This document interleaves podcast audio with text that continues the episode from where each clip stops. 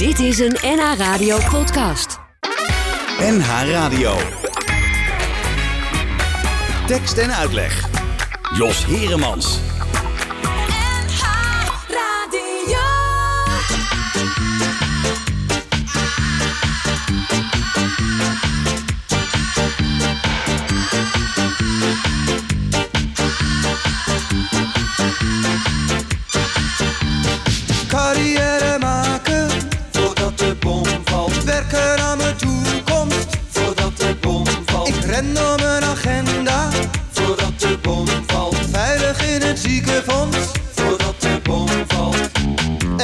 De bom Dan valt, lig ik in mijn nette pak Diploma's en mijn checks op zak Mijn polen en mijn woorden schaal Auwoei, onder de flatgebouwen van de stad naast jou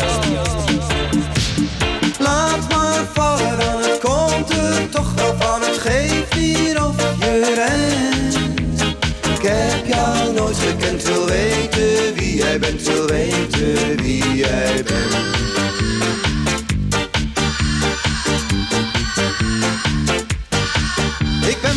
Verzekerd van succes, tegen brand en voor mijn leven. Ik heb van alles maar geen tijd, ook niet voor heel even. Ik moet aan mijn salaris denken en aan mijn relaties. Maar liever weet ik wie jij bent, voordat het te laat is. Want als de bom Dan lig ik in mijn nette pak. Diploma's en mijn checks op zak. Mijn polen en mijn woorden schaal, schaal, schaal Auwoei, onder de flatgebouwen van de stad naast jou dan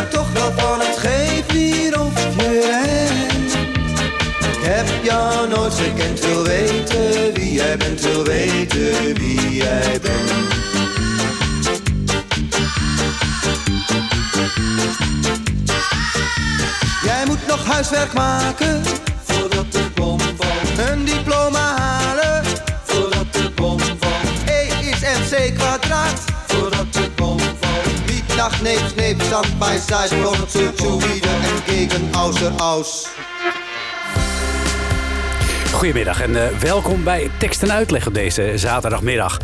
Ja, we zitten midden in juli. Dat is de tijd eh, dat veel mensen op vakantie gaan. En wat doe je op vakantie? Lezen, lezen en nog eens lezen. En daarom hebben we twee schrijvers uitgenodigd. En eh, dat zijn de schrijver van het boek Lieve Chris. Dat is Sabine van den Einde. Zij schreef het boek samen met Antoinette Hoes. En de schrijver van Iets Warms Graag. En dat is Tamar Berends. Goedemiddag, dames. Goedemiddag. Ja, laten we eens even beginnen eh, met wie jullie zijn. Eh, Sabine, als ik met jou eens even begin. Wat heb jij tot nu toe in jouw leven gedaan? Ik ben de beste vriendin geweest van Antoinette Hoes, met wie ik dit boek heb geschreven. Eh, ik ben scenario-schrijver, eh, onder andere voor Goede Tijden, Slechte Tijden, maar ook voor veel andere eh, televisieseries, Juliana, Hertekamp. En ik heb een aantal boeken geschreven, vaak naar aanleiding van series of thrillers. En ik heb een lief kind en een fantastische man.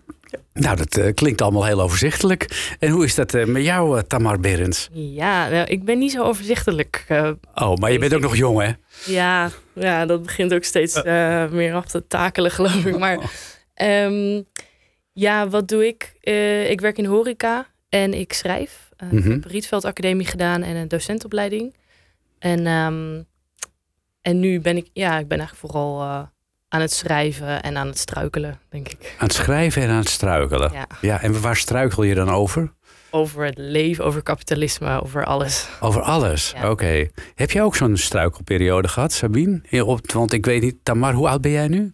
Ik ben nu sinds een paar dagen 29. 29. Was dat ook een tijd dat jij veel, nog veel struikelde, Sabine? Ja, toen ik 29 was, toen ging het heel goed met mijn werk. Dus daar struikelde ik helemaal niet in. Maar ik, Mhm. toen was het wel moeilijk in de liefde. Toen Oh, Zocht ik iemand om een kind mee te maken en dat viel niet mee. nee, maar die heb je wel gevonden blijkbaar. Ja, en nog een lieve man ook, dus. Zeker. Ja, ja, dus en dat hoe scheelt heb je die dan gevonden? Oh, kijk, dat, eh, dat is een goede tip. Ja. Nou, vertel maar, hoe heb je die gevonden? Op een feestje. Op een feestje, ja, ja. Kom jij vaak op feestjes dan maar? Ja, dat wel, ja. En ook al iemand gevonden? Nee, nee, nee. De capabele vaders blijken nog een beetje eh, niet in mijn eh, omgeving Nee, capabele vaders Ja. ook. Hè? Ja, want daar gaat het natuurlijk ook wel om. Jullie eh, zeggen alle twee van, eh, jullie schrijven alle twee. Jij doet er nog ook iets naast. Je werkt in de horeca. Ehm, betekent dat dat je ook niet kunt leven van het schrijven? Dat het ook niet zoiets van, ik heb die keuze gemaakt en ik ga er nu helemaal voor? Nou, ik heb die keuze wel eh, gemaakt, dus ik wil niet ja, verzanden. Mhm. Zo, verzanden? verstand. Ja, ja verzanden is heel goed. Ehm, in, ehm, in een kantoorbaan of zo. Dus ik heb ervoor gekozen om vrij te leven en af en toe klussen aan te nemen, Mhm. eh, kunstlessen te geven, schrijflessen te geven. En dus in de horeca om te kunnen blijven schrijven. Ja, precies. Ja, En ik hoop er binnenkort van te kunnen gaan leven. ja, ja. Ja. Eh, Zat jij als, eh, al- als, ja, als meisje op de, op de basisschool al driftig opstellen te pennen om Ja. later schrijver te worden? Ja, ik had helemaal niet door dat ik aan het schrijven was, maar ik, ik schreef wel alles. Zelfs als ik wilde tekenen, dan schreef ik eh, hoe de schets eruit zou moeten komen zien. Maar het ging dus niet schetsen, maar gewoon schrijven. Eigenlijk eh, was je scènes aan het schrijven. Ja, Ja. En hoe was dat bij jou, Sabine? Het is een tijdje geleden, want toen heette het nog lagere school, denk ik. Ja. ja, ik was altijd bezig met toneelstukjes maken. Dus wel verhaaltjes. Mhm. Eh, en ik zat op een Montessori school, dus dan mochten we die toneelstukjes ook altijd opvoeren als we daar zin in hadden. Oh, Oké. Dat was heel fijn. En later, toen, dus toen ging ik naar de toneelschool en theaterwetenschap studeren. En toen ontdekte ik eigenlijk dat ik kon schrijven, omdat ik erachter kwam dat anderen het niet konden. Dus Oh. de, eh, dat ging ook nog over drama schrijven. Hè? Ja. Dus daar heb ik in eerste instantie mijn, eh, mijn- vak van gemaakt, scenario. Mhm. En ja, op een gegeven moment kwam er een boek op mijn pad. En eh, ja, dat is eh, anders. Eh, en het is heel leuk om in je eentje te schrijven. Als je altijd gewend bent om in een team te werken. En om heel autonoom gewoon je eigen gang te kunnen gaan. Mhm. Eh, dus Want in een team schrijf je voor series en dergelijke schrijf je in teams. Altijd, ja. Oké. ja. Dat kunnen grote teams zijn. En je moet altijd overleggen en Mhm. eh, eh, het met elkaar eens raken. Dus je moet heel veel concessies doen, wat, wat niet slecht is. Maar eh, het is ook heel fijn om geen enkele concessie te hoeven doen. Ja, dat is, lijkt me ook heel prettig. Maar je zei net ook van, ik, eh, toen ik naar de toneelschool ging... betekent dat dat er eigenlijk ook een actrice in jou schuilt? Een hele matige. Oh, Ja, ik kan het niet anders zeggen. nou, dat is wat een zelfbeeld zeg. Nou ja, nee, het is eh, reëel, denk ik. Eh, Reëel. Ja. En, en toen ben je geswitcht. Toen dacht je van, nou ja, dat acteren dat is wel leuk... maar het schrijven, dat gaat me beter af. Ja, eigenlijk wel. Ja. Ja. En wanneer merkte je dat? Gedurende de opleiding? Nee, nee, ik zat in Maastricht en het is algemeen bekend dat als je op de toneelschool in Maastricht zit, daar is een heel groot eerste jaar. En aan het einde van het eerste jaar is er een hele strenge selectie. Mhm. En toen viel ik af. Toen ging ik theater, dat vond ik heel erg. En toen ging ik theaterwetenschap studeren en, eh, en daar ontdekte ik, dat, daar werd ik heel gelukkig. Dat was eigenlijk het Mhm. allerleukste wat ik in mijn hele leven had gedaan. En daar ontdekte ik het schrijven. Ja. En dat was ook direct het scenario schrijven, drama schrijven? Nou, dat begon met toneel, want ik deed theaterwetenschap. En Ja. toen rolde ik in een baantje eh scenario schrijven voor goede tijden, slechte tijden. Mhm.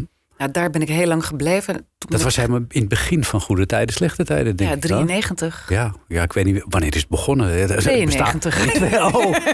Ja, in mijn gedachten heeft het altijd bestaan. Maar er is er ooit een begin geweest van Ja. goede tijden, slechte tijd. 92 Ja. dus. Oké. Dus een jaar later werd, werd het schrijfteam uitgebreid en toen eh, kwam ik erbij. Oh ja. Met hoeveel man zit je dan? Nou, per soap eh, ongeveer 15. Zoiets. Zo. 15 fulltime. En dat bedrijf waar ik werkte, eh, Dr. Proctor Scripts, dat maakte op een gegeven moment drie soaps. Alle soaps van Nederland. Dus ook Onderweg naar Morgen en Goudkust. Oh ja. Dus toen waren we een schrijfbedrijf van eh 50 idioten. Echt heel leuk. En dan ging je ook van het een naar het ander. Dus dan schreef je op maandag eh, een aflevering van Onderweg naar Morgen. En op dinsdag van Goede Tijden, Slechte Nee. Oh, dat niet. Nee, nee. dat is niet bij te houden. Oh, nou ja, Nee, nee, maar we switchten wel veel hoor. Ik, de, ik, de, eh, wel één of twee keer per jaar ging je naar een andere soap. Gewoon om, of een Ja. andere serie, want we maakten ook andere series. Eh, om een beetje ja, fris te blijven. Ja. En, eh, Heeft ook goede schrijvers opgeleverd. Hè? Eh, onderweg naar morgen. Arthur Chapin speelde daarin. Ja, Dat kan ik me nog herinneren. Ja, ja echt. Dat, ja. Ja, Martin van Stijn is nu een gerenommeerd scenarist. En die is begonnen als acteur bij Goede Tijden. Kun je nagaan. Ja. Een wonderlijke wereld. Hoe is dat met jou, Tamar Berends? Heb jij ooit, ooit ambities gehad, bijvoorbeeld ook om actrice te worden? En ben je la- daar later gaan schrijven? Eh, ik heb wel twee jaar geleden een eh, theatercursus gedaan. Zie je? Ehm, omdat ik wel inderdaad... Ik schrijf heel veel over emoties. Mhm. Dus ik dacht, nou, misschien moet ik daar eens iets mee gaan doen dan. Alleen, eh, ja, ook ik ben een vrij matige. het was meer ja, therapeutisch en voor de lol en Mhm. zo. En dan bij een theatercursus merk je ook dat iedereen eigenlijk geen Mhm. ster is. Dus dan is het heel leuk, want iedereen faalt een beetje. En dan heb je een soort verbintenis in dat falen. En eh, ja, dat, dat was echt ontzettend leuk en intensief en grappig. Ja, goed. Eh, dames en heren, u luistert naar eh, tekst en uitleg met twee matige actrices. maar gelukkig kunnen ze heel goed schrijven. En we gaan het straks hebben over hun boeken. Sabine van der Einde en eh, Tamar Berends. En het boek van Sabine van der Einde en Antoinette Hoes... dat speelt in de jaren tachtig. En in de jaren tachtig waren de tijden somber. En vroeg Robert Long zich bijvoorbeeld af... is er nog wel een toekomst voor een kind?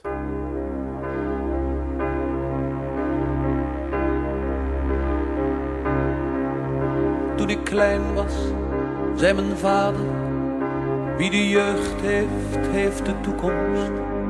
Als je jong bent, is het leven lang niet slecht. Als je jong bent, ligt de hele wijde wereld voor je open. En je kunt van alles dromen. En je kunt van alles hopen. Oh, dat heeft hij me wel honderd keer gezegd. Ja, mijn vader zag nog toekomst in het verschiet. Wie nu vader is, ziet dat waarschijnlijk niet. Heeft een kind nog wel een toekomst voor de boeg? Is er eigenlijk geen rottigheid genoeg. Want als hij groot is, als hij niet dood is, zal hij leugens moeten slikken, heel veel onrecht moeten pikken en zijn vrienden laten stikken als dat moet zich verschuilen achter woorden en zijn medemens vermoorden en een smoes verzinnen. Waarom hij dat doet is de toekomst voor een kind nou wel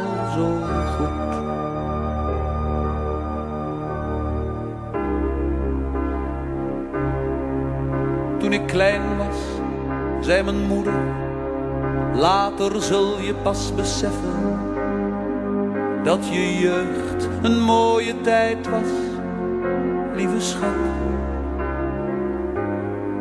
Voor de grote boze wereld kon je thuis nog veilig schuilen. Gauw een kusje op een schaafwond en een koekje voor het huilen. Ja, mijn moeder heeft beslist gelijk gehad. Maar voed je nu een kind, beschermd en veilig op? Krijgt hij straks misschien een kogel door zijn kop? Heeft een kind nog wel een toekomst voor de boeg? Is er eigenlijk geen rottigheid genoeg? Want als hij groot is, als hij niet dood is, zal hij leugens moeten slikken, heel veel onrecht moeten pikken en zijn vrienden laten stikken als dat moet. Zich verschuilen achter woorden en zijn medemens vermoorden en een smoes verzinnen waarom hij dat doet. Is de toekomst voor een kind nou wel zo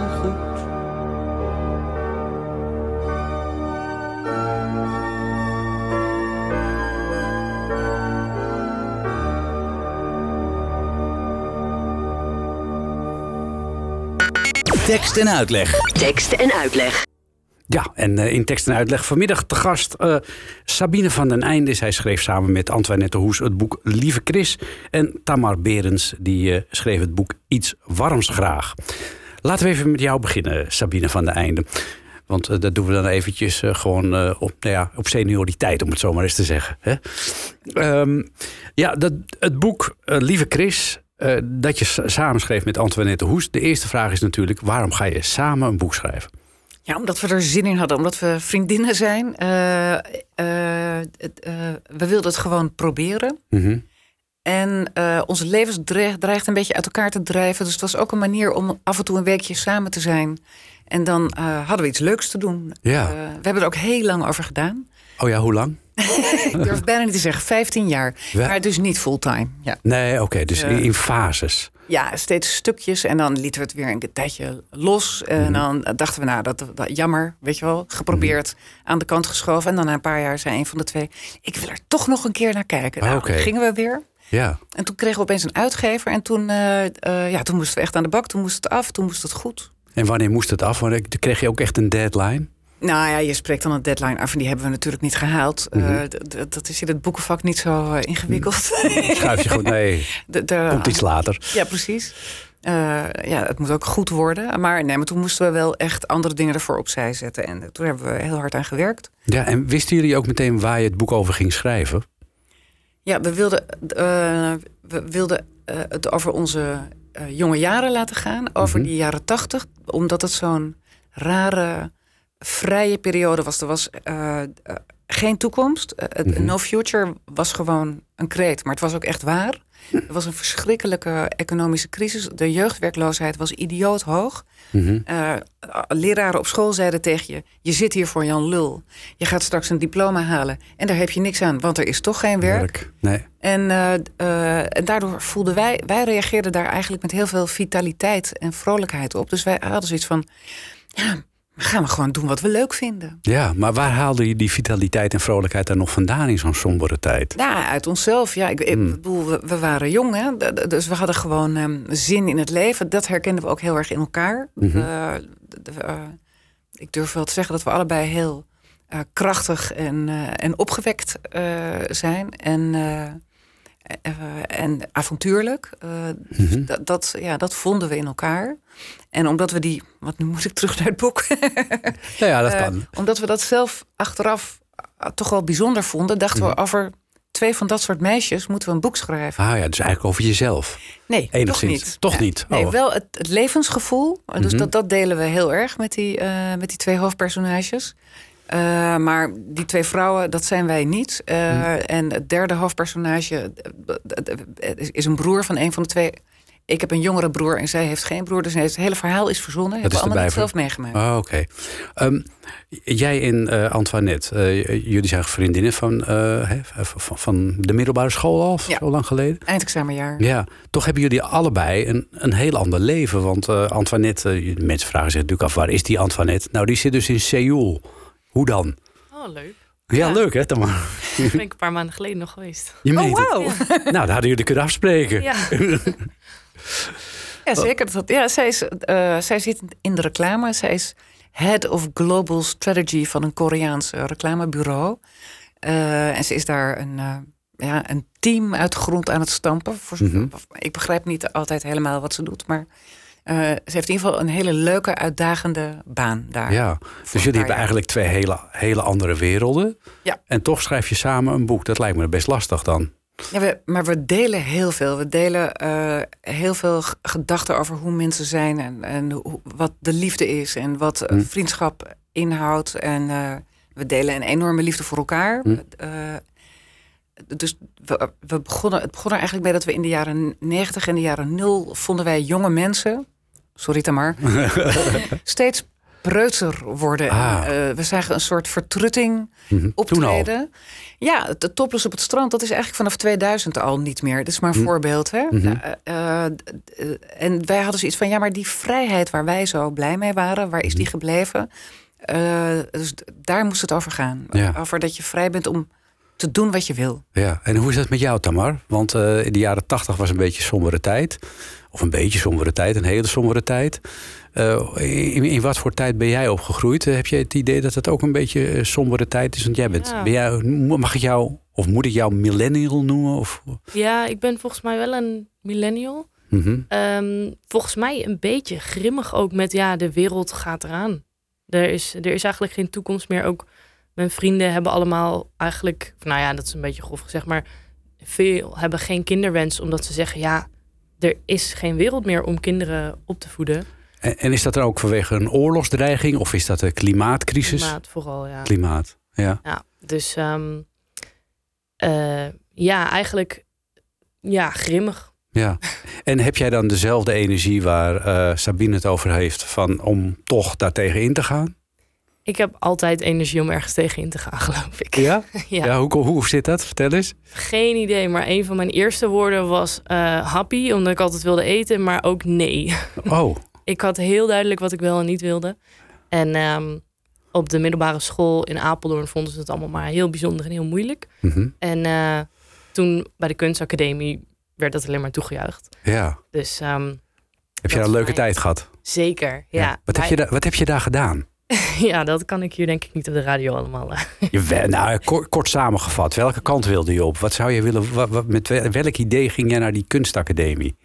Ja, ik dacht, er moet wat gebeuren. Er moet wat. eh, ik, ik ga niet ehm, leren. Ik had een docentopleiding gedaan en eigenlijk blijf je dan werken bij je laatste stageplaats. En dat is Mhm. dan gewoon je toekomst. Maar een leraaropleiding, wat, wat, wat, wat voor kant eh, moet Kunstdocent. Kunstdocent. Ja. Oké. En ehm, ja, dan had je kinderen die dan een fantasiedier maakten met bijvoorbeeld een roze pandahoofd. En dat de juffrouw dan zei, dat mag niet, want een panda is niet roze.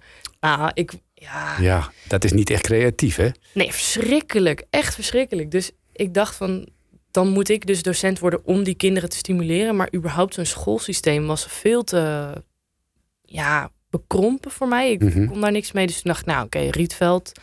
Ehm, en met schrijven eigenlijk, wat Sabine ook zegt, van je kan alles helemaal zelf bedenken. Mhm. En je hebt geen gelul van, ja, ik kan ook niet tegen een baas die zegt, je moet dit doen. Dan denk ik, ga het lekker zelf doen. Dus dat werkt ook niet helemaal.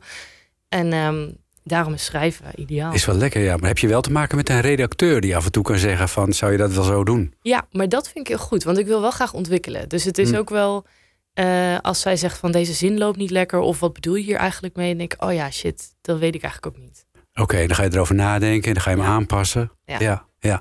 Dus je, je zit eigenlijk wel op je plaats dan nu. Zeker. Ja, ja. Hoe gaat dat in de horeca? Ja. Als je zo slecht met autoriteiten kunt omgaan.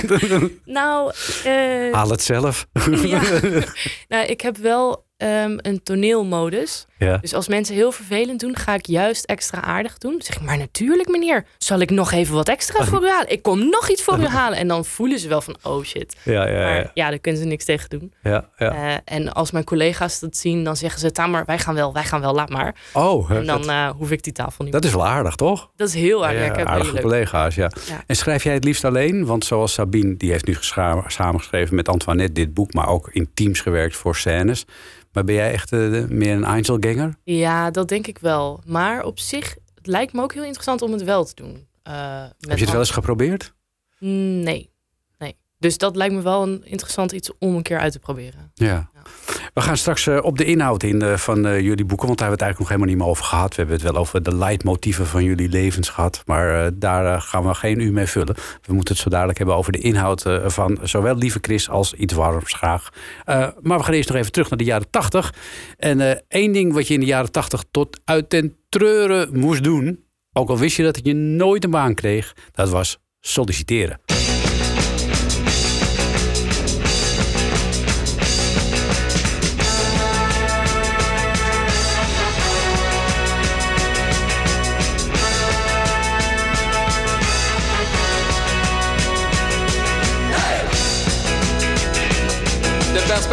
Voor de toekomst die zijn 0,0.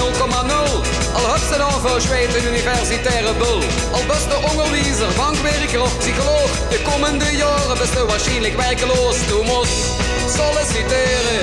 Ze zeggen alleen jong, solliciteren. Heb ze nou geschreven? Heb ze nou geschreven? Heb ze nou geschreven? Ja, schreef maar op nu.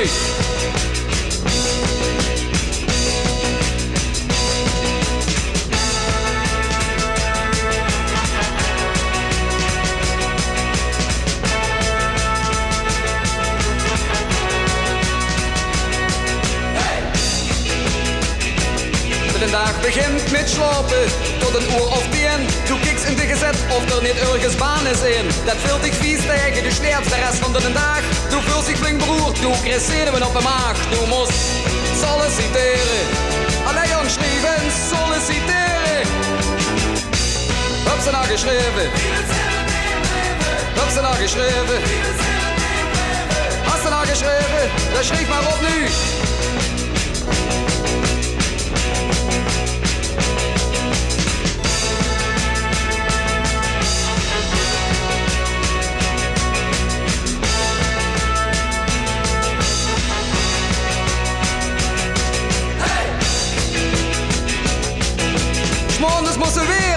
Weer bij de sociale dienst in. Voor de zwaarste keer roast er weer de brief in. Dus de stiekem, af en toe.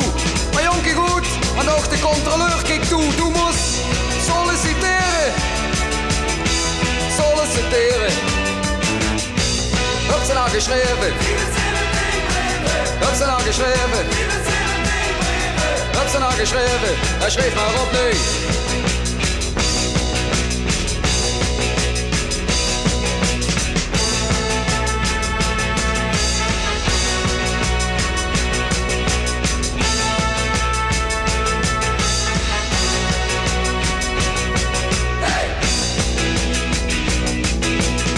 S'avonds als het duister wordt, begint ze pas te leven.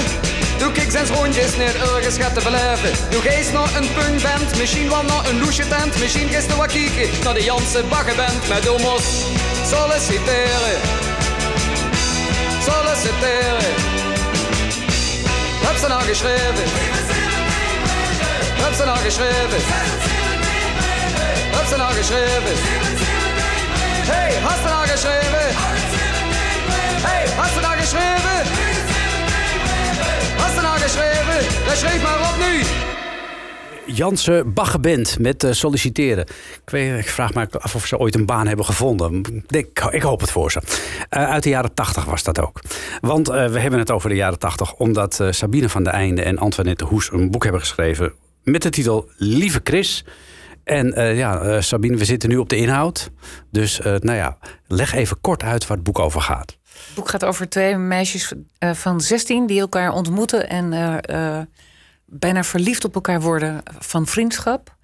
En ze wonen in Amsterdam. En het is in de tijd van de allerergste kraakrellen in Nederland. Dus het boek opent met de, de, de, rellen rondom de, het groot kraakpand in de Vondelstraat. En zij, maar omdat het Amsterdammertjes zijn, zijn ze, vinden ze het allemaal heel spannend. En ze, het is eigenlijk een beelddoensroman. Twee me- jonge meiden die langzaam maar zeker volwassen worden, vriendschap ontdekken, de liefde ontdekken. In een hele complexe relatie met elkaar en met de broer van een van de twee eh, terechtkomen. En eh, dan maken ze elkaar gaandeweg eh, zo ongelukkig dat ze 30 jaar later eh, ja, nog steeds problemen hebben. Ja, jeetje. En dat moeten oplossen. Ja, waar haal je dat thema vandaan? Behalve dat ik wel een overeenkomst kan vinden in de jonge vriendschap die jij al had met, eh, met Antoinette Hoes. Ben ik ook wel benieuwd naar eh, waar de, de personages verder op gestoeld zijn. Nou ja, het, is, het, het begon allemaal met dat Antoinette eh, de, de wijze woorden zei: eh, Het is zo jammer als in een liefde, als een liefde de relatie niet overleeft. De, dus de liefde is, Mhm. is de gevoelens die je voor elkaar hebt. En de relatie is hoe je het vormgeeft. Dus je gaat Ah. met een bepaal- op een bepaalde manier met elkaar om. En dat kan zo destructief zijn dat, eh, eh, ja, dat je niet meer van elkaar houdt. Of nou, zo gekwetst raakt. Eh, Mhm. eh, dus daar, dat was het idee. Ze houden dus verschrikkelijk veel van elkaar. Eigenlijk deze drie mensen. Maar ze maken elkaar toch kapot. En daar hebben we een verhaal bij bedacht. Dat, dus de, de ene vriendin wordt verliefd op de broer van haar vriendin. En Mhm. dat mag niet. En dat leidt tot, tot hele ingewikkelde onderhuidse conflicten. Waarin ze ja, de hele tijd proberen om alles te behouden wat ze Mm. hebben. En eh, heel bang zijn om te verliezen wat er is. Namelijk die twee anderen in hun leven. Ehm, maar ja, ze komen er niet uit. Nee, het balanceert ook een beetje. Dat is natuurlijk altijd eh, het, het ingewikkelde. Het balanceert een beetje van waar, eh, waar eh, begint, nee, waar eindigt vriendschap en begint verliefdheid. En dat, dat is ook een soort aftasten natuurlijk. Van ja, dat, dat, dat Ja. komt ook wel voor. Ja, dat is, daar, dat, eh, dat is in het begin helemaal niet duidelijk. Eh, Nee. dat, eh, ze, ze, ze voelen alles voor elkaar. En het is heel heftig. Het is hè, de, nou ja, Plato, je, je andere helft terugvinden. Dat, dat gevoel wilden we Ja. vertellen. Ehm, eh, eh, en dat tegen de achtergrond van dat Amsterdam met die, die, nou, die toch wel gewelddadige periode met terroristische organisaties, ETA, IRA, eh Rote Armee-fractie, Italië. Mhm. En eh, dreiging van een kernoorlog. Dus de, de, eh, eigenlijk onder druk van al die moeilijke omstandigheden is het enige wat zij kunnen bedenken. Elkaar beminnen en daar iets van maken. Ja, een, tijd ook, hè, van, van, van wat je ook zegt, de, de krakersrellen. Heb jij daar zelf ook midden in gezeten? Nee, ik kwam wel in kraakpanden eh, op feesten. Oh ja, ja Er tuurlijk. waren heel veel feesten in die kraakpanden. Ja. Veel meer feesten dan ontruimingen. Eh, maar ik heb nooit in een kraakpand gewoond. Ik heb er wel eens een nachtje geslapen. En ook wel eens in een voormalig kraakpand. Want Mhm. heel veel van die panden werden dan op een gegeven moment gewoon huurpanden. Eh, dus ja, ik ben wel in veel van die panden binnen geweest. Ja, kun jij je dat voorstellen, Tamar, dat er eh, overal in Amsterdam gekraakt werd? Ja, nul, dat is een beetje de droom. Nul, De droom. ik kom ook nog wel eens in kraakpanden, maar dat is echt niet eh, zoals het was. nee, toch? Er wordt, tegen, wordt er tegenwoordig nog gekraakt? Nou, het is verboden. Dus Verboden het is link zelfs. geworden. Ja, Het gebeurt nog wel. het gebeurt nog wel, Ja. ja. Maar eh, het, is, het is niet meer te doen, Nee, doen met die politie. nee. Het waren hele vrije plekken waar je, Ja. ja. waar je gewoon, waar iedereen autonoom eh, was en de baas was. En er heel veel gepraat werd en gediscussieerd werd over hoe alles georganiseerd moest worden. Mocht je wel een worstje verkopen in het vegetarische restaurant? En, dan- Ja, het was een beetje doorgedemocratiseerde eh wereld ook wel, denk ik. Ja, en zo, soms eh, ging dat natuurlijk veel te ver. Maar, de, de, eh, maar da- daar leer je ook heel veel van. Het waren allemaal jonge mensen die daar aan het leren waren... hoe je met elkaar om moet gaan en hoe je kunt delen wat er is. Ja, het gaf ook een zekere mate van ruimte om jezelf te ontwikkelen... die je tegenwoordig misschien niet meer hebt... omdat je je dat gewoon niet eens financieel meer kunt veroorloven.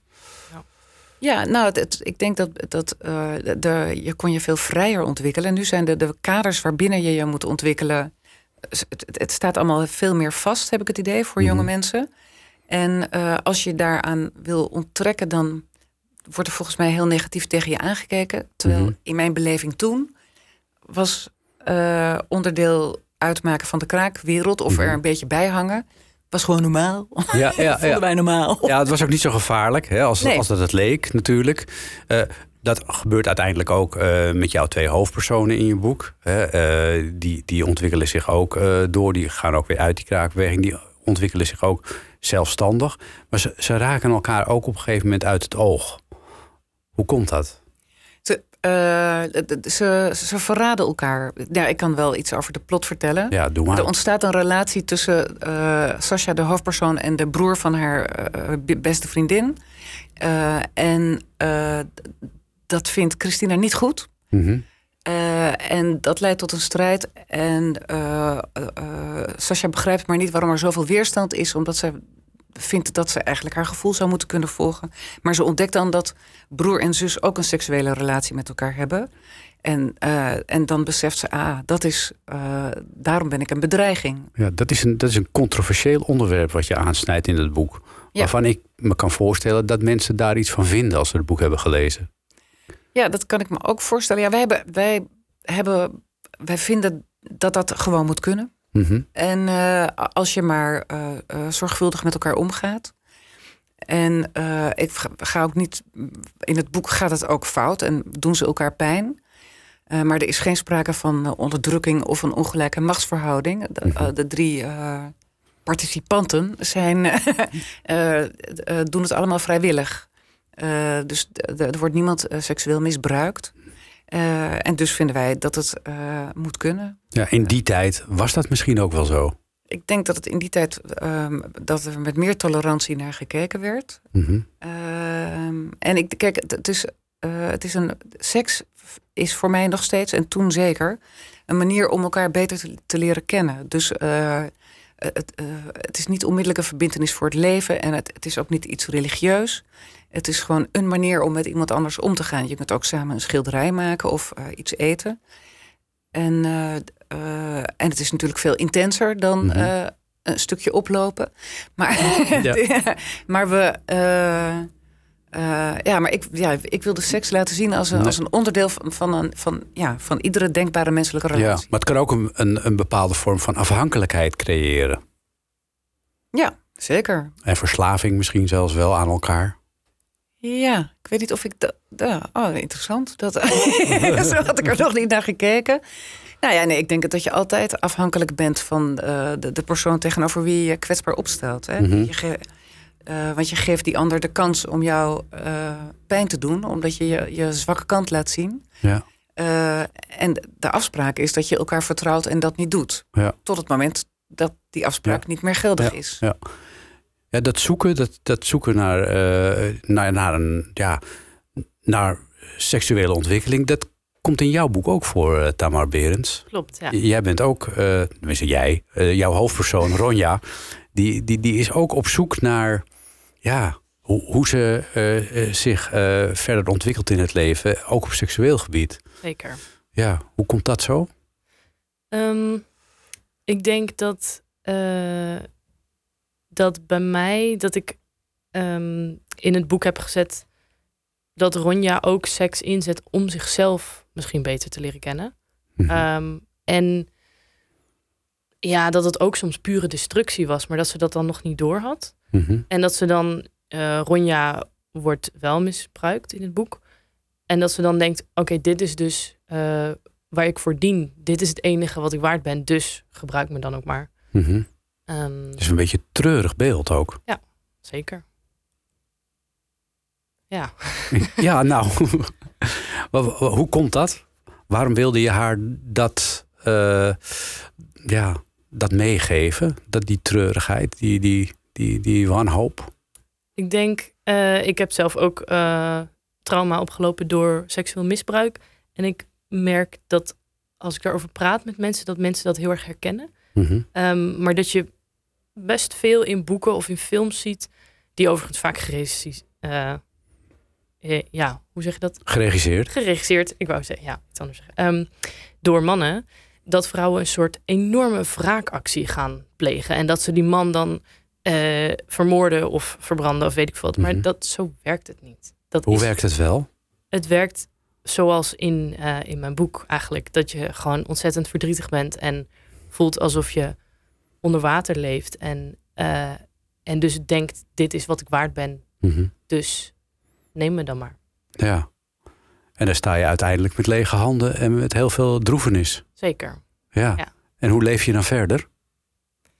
Ja, eh, flink potje huilen en dan weer doorgaan, denk ik. Nou, zo makkelijk is het niet. denk ik. Nee, ja, de, kijk, in het boek is het ook een nou, jij denkt van wel, Sabine? Ik denk dat uithuilen en opnieuw beginnen een prima manier is Ja. om eh, Ja? moeilijke dingen eh, te laten passeren. Ja, moeilijke dingen snap ik wel, maar seksueel misbruik, dat vind ik nogal wat. Ja. Ja, maar dat is ook eh, in het boek lees je ook hoe ze daar eh, mee omgaat en daarover ontwikkelt. En uiteindelijk ook inderdaad tot een soort uitbarsting komt en zich dan ook maar weer. Hm. Dat, ja, je moet weer opkrabbelen. Je, je kunt erin blijven hangen, maar ja, dan, dan wint die man. En dat gaan we niet doen.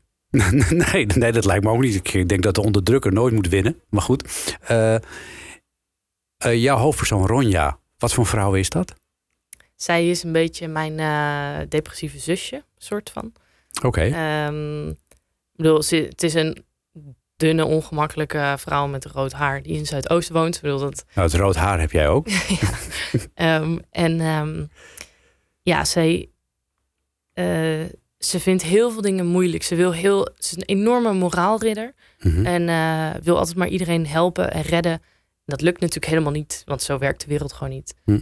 Ehm, en dan wordt ze een beetje overspoeld door emoties. Eh, en zo, ja, kabbelt ze een beetje. Waarom heb jij je boek in de Bijlmer laten spelen? Ehm, omdat ik zelf eh, tien jaar daar heb gewoond. En ik kwam uit Apeldoorn naar Zuidoost. En daar waren altijd mannen op straat die heel veel eh, naar mij riepen. En ik had zo geleerd van, ja, daar, daar mag je niet naar kijken. En dat is gevaarlijk. En wat riepen ze dan? Eh, schatje, goedoe, eh, prinsesje, popje. eh, en dan, ja, kom hier. Of wat ga je eten dan? Ga je voor me koken dan? Of zo. en, ehm, en op een gegeven moment dacht ik, nou, ik ga erbij zitten. Ik ben nou wel klaar mee. Ja. En dat was eigenlijk heel leuk. En dat bleek helemaal geen bedreiging te zijn. Dat was gewoon een cultuurverschil. Mhm. Ehm, en dat vond ik ook wel heel inspirerend dat dat zo kon zijn. En dat de Belmar vind ik echt een hele mooie buurt. Ook overigens bullshit van Almere dat ik weg moest. Ehm, maar eh, ik zat daar anti-kraak heel lang. Antikraak. Kijk, Ja. kun je nagaan, Sabine? De hoop Ja. veranderd hè, in die Ja. tijd. Eh, en nu worden heel veel sociale huurwoningen verkocht. En Ja. de oude bewoners moeten er allemaal uit. En alle juppen gaan erin. Ehm, maar het was een hele mooie buurt met veel Mhm. saamhorigheid. En heel veel enorm groot groen. Echt grote bomen. En dan wel die mooie ja, Sovjet-flats. Eigenlijk van die harde, grote betonnen units. Ja. Het is wel een beetje, een beetje aangepast hè, in de loop der jaren. Ja, het is iets vriendelijker geworden. Ja. Qua bouw. Ja. Wat meer laagbouw er ook in. Ja. Ja, eh, ja, een deel van jouw boek eh, heeft daar ook mee te maken met die Bijlmer. We komen ook eh, in het boek Lieve Christ in de Bijlmer terecht uiteindelijk. Ja, zeker. Ant- Antoinette heeft lang in de Bijlmer gewoond. Hm. En een andere vriendin van mij ook. Dus ik heb daar veel gelogeerd. Ik heb er zelf nooit gewoond. Maar ik ben het met je eens dat het een, een hele mooie wijk is. En heel bijzonder door al die verschillende bevolkingsgroepen... die het daar toch met elkaar weten te rooien. Het is natuurlijk eh, heel naar wat er is gebeurd... dat op een gegeven moment die wijk dan zogenaamd eh verloederde... Eh, omdat ze het eigenlijk gewoon heel raar gebouwd hadden met al het autoverkeer op de eerste Ja, verdieping. en dat alle was gek. voetgangers op de begaande grond. Levensgevaarlijk voor Ja. Je raakte er altijd de weg kwijt. eenzame vrouwen. Ja, maar ook als, ook eenzaam, als eenzame man. Ik kan me Ja. nog wel herinneren dat ik op de middelbare school zat. Op mijn brommertje naar de Bijlmer. En dan, eh, je, wist, je wist bij god niet meer waar je was. Want de, de, de hele wereld lag boven je. In pla- Ja. Want je, je reed niet op hetzelfde niveau als de auto's. Ja, dat vind ik misschien wel het grootste probleem. Dat je er zo makkelijk verdwaalt. Ik, Ja. ik begrijp nooit waar ik ben in de Bijlmer. Nou, gelukkig eh, zitten we nu in een veilige studio hier in, eh, in Hilversum. Het is alles redelijk overzichtelijk. Gaan we nog even één keer terug naar de jaren 80, waarin de dijk zong over het dansen op de vulkaan. Want zo voelde het.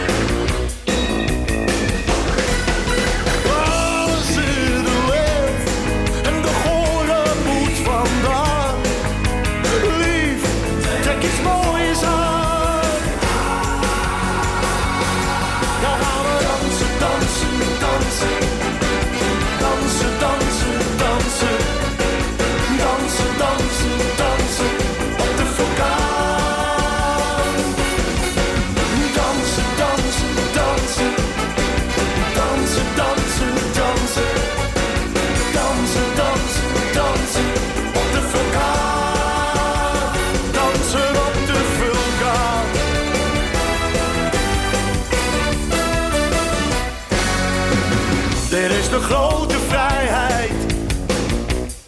Je mag zeggen wat je denkt.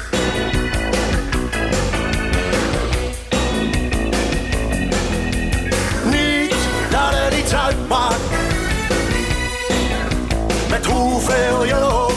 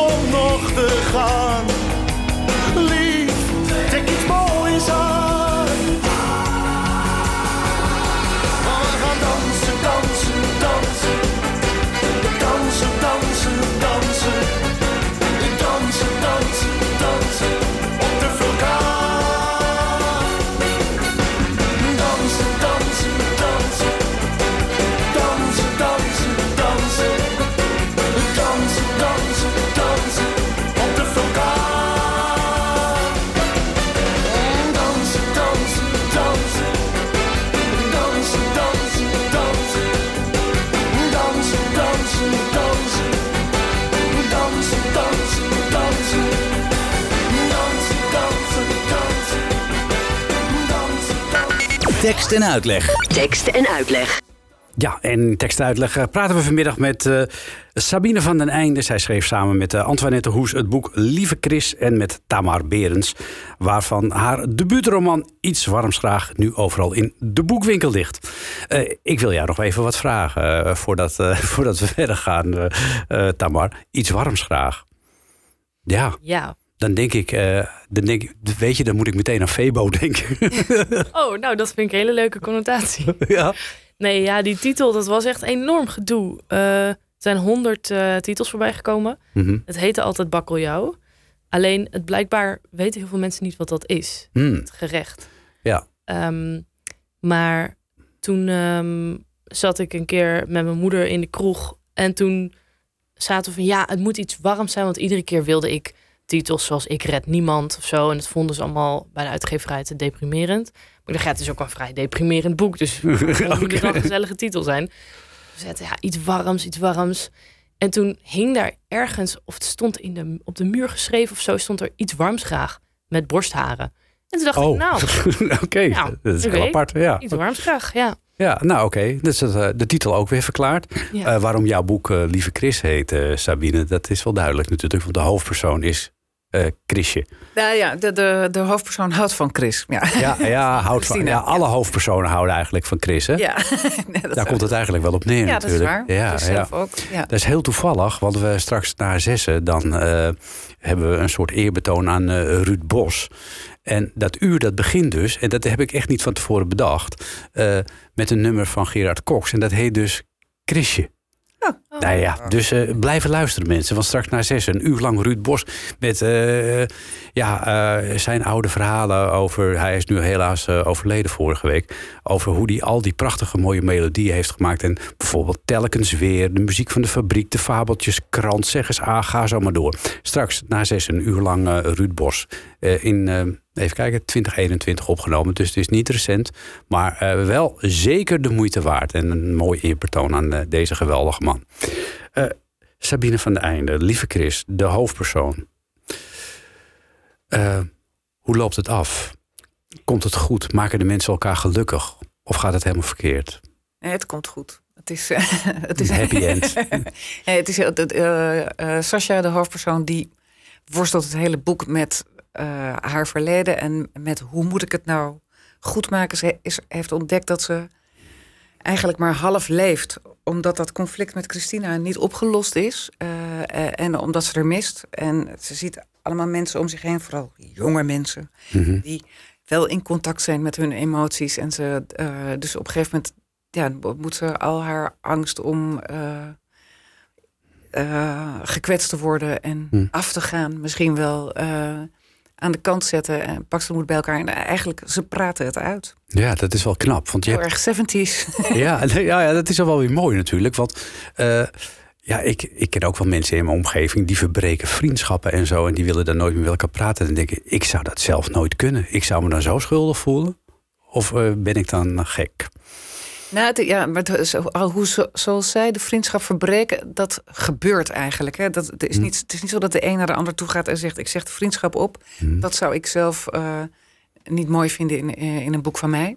Dus dat zou ik niet willen. Mhm. Maar het, eh, het, het moment ontstaat en dan lopen ze van elkaar weg en dan komt het gewoon niet meer goed. Dan doet Hm. niemand meer iets, omdat ze.